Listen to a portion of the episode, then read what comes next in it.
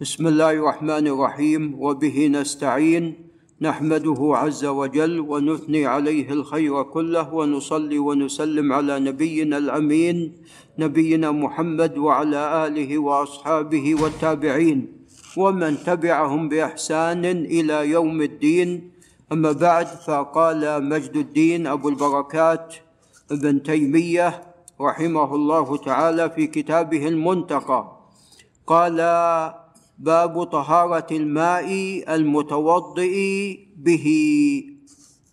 وهذه المسألة مسألة وقع فيها خلاف بين أهل العلم وتقدم لنا أن المصنف رحمه الله تعالى تبويباته دقيقة فتبويباته على مسائل فقهية وكثير من هذه المسائل قد وقع فيها الخلاف بين أهل العلم. نعم وهذه المسألة الصواب أنه يجوز الوضوء بالماء المتوضأ به وذلك إذا كان لم يزل ماء وهو كذلك. نعم. فكونه قد استعمل في طهارة هذا لا يمنع من استعماله مرة ثانية في طهارة. نعم. وهذه الطهارة في غسل الأعضاء طبعا. فلا بأس أن الإنسان يستعمل هذا الماء الماء مرة ثانية. يعني لو أنه كان تحته طشت طشت وتساقط هذا الماء الذي غسل به اعضاء في هذا الطشت ثم توضأ به لصلاة أخرى فلا بأس بذلك لأنه لا زال ماء وبالتالي الله تعالى يقول فلم تجدوا ماء وهذا ماء فيستعمل في الطهارة وفي إزالة النجاسة.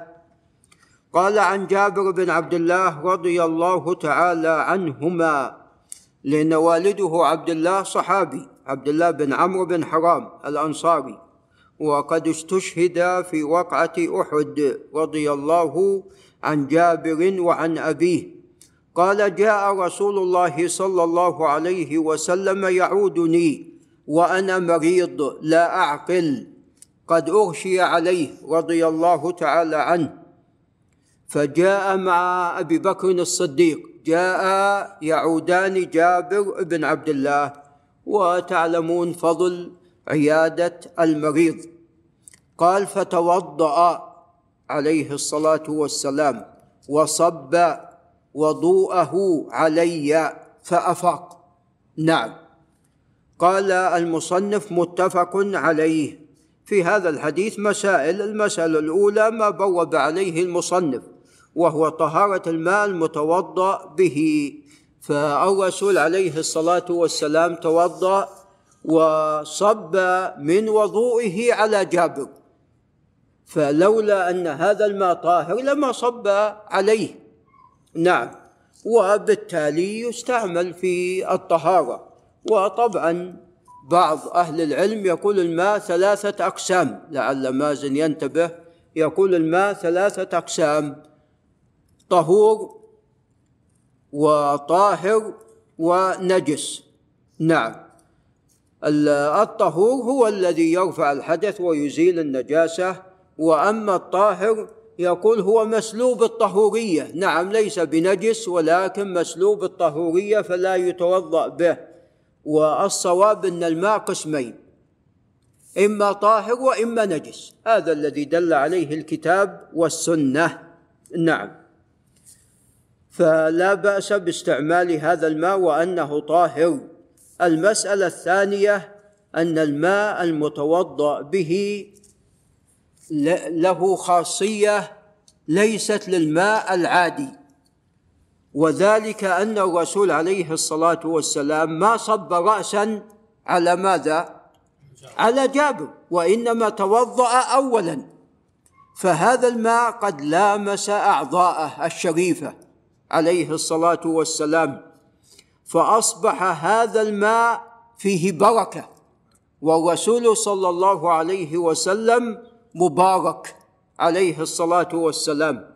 وهذه البركة خاصة به كانوا يتبركون به عليه الصلاة والسلام.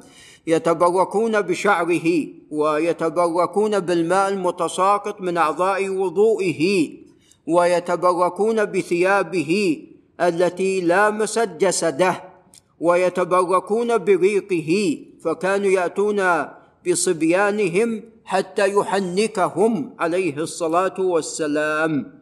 وهذا كله خاص به لم يفعل ذلك الصحابة مع أبي بكر مثلا أو التابعين مع أبي بكر الصديق رضي الله عنه. ولا مع عمر رضي الله عنه ولا مع عثمان ولا مع علي رضي الله تعالى عنهما.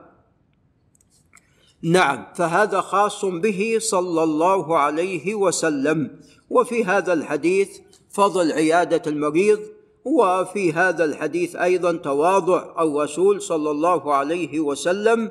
فذهب يعود جابر وكان جابر آنذاك كان لا زال شابا ليس بالكبير.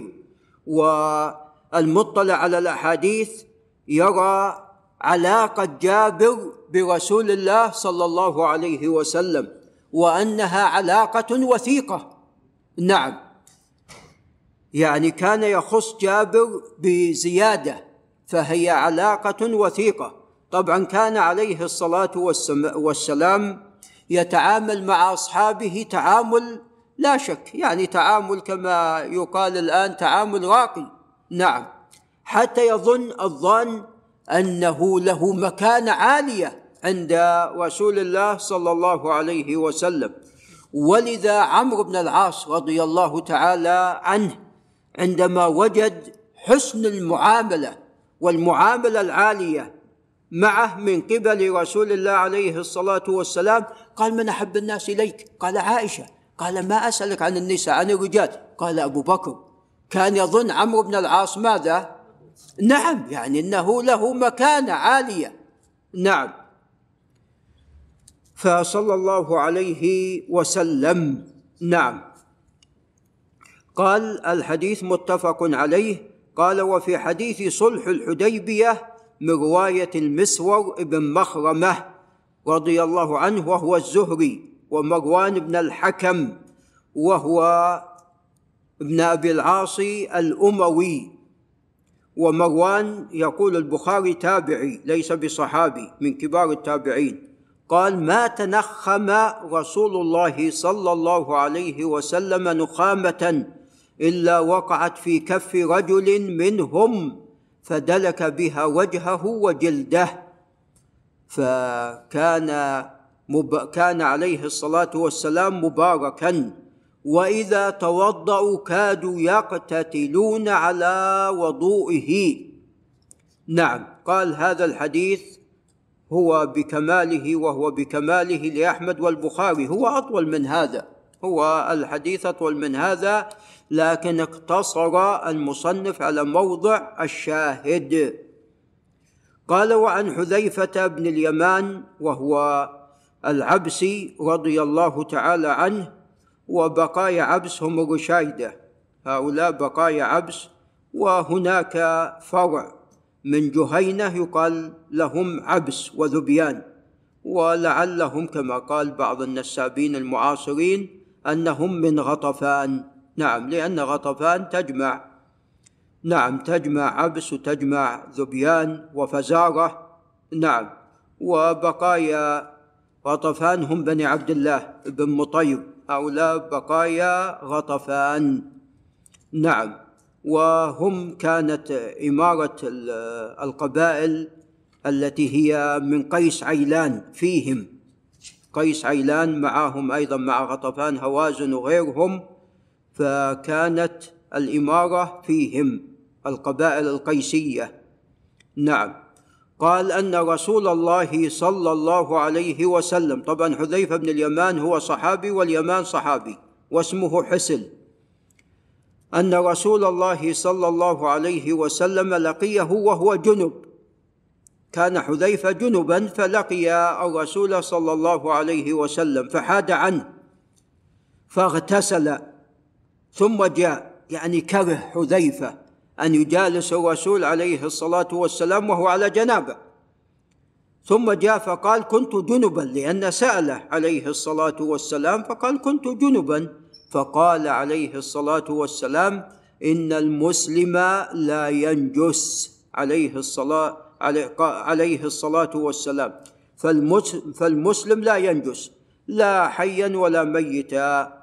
قال رواه الجماعة إلا البخاري والترمذي يعني الخمسة مسلم وأبو داود والنسائي وابن ماجه. نعم بقايا السبعة. قال وروى الجماعة كلهم نحوه من حديث أبي هريرة فوقع أيضا مثل هذا لأبي هريرة فأيضا انصرف سلم على الرسول عليه الصلاة والسلام ثم انسل ولم يدري الرسول عليه الصلاة والسلام إلا بعد أن فقده. فقال أين كنت بعد أن اغتسل جاء؟ قال كنت جنبا. فقال مثل مقالته عليه الصلاة والسلام. هذا وبالله تعالى التوفيق.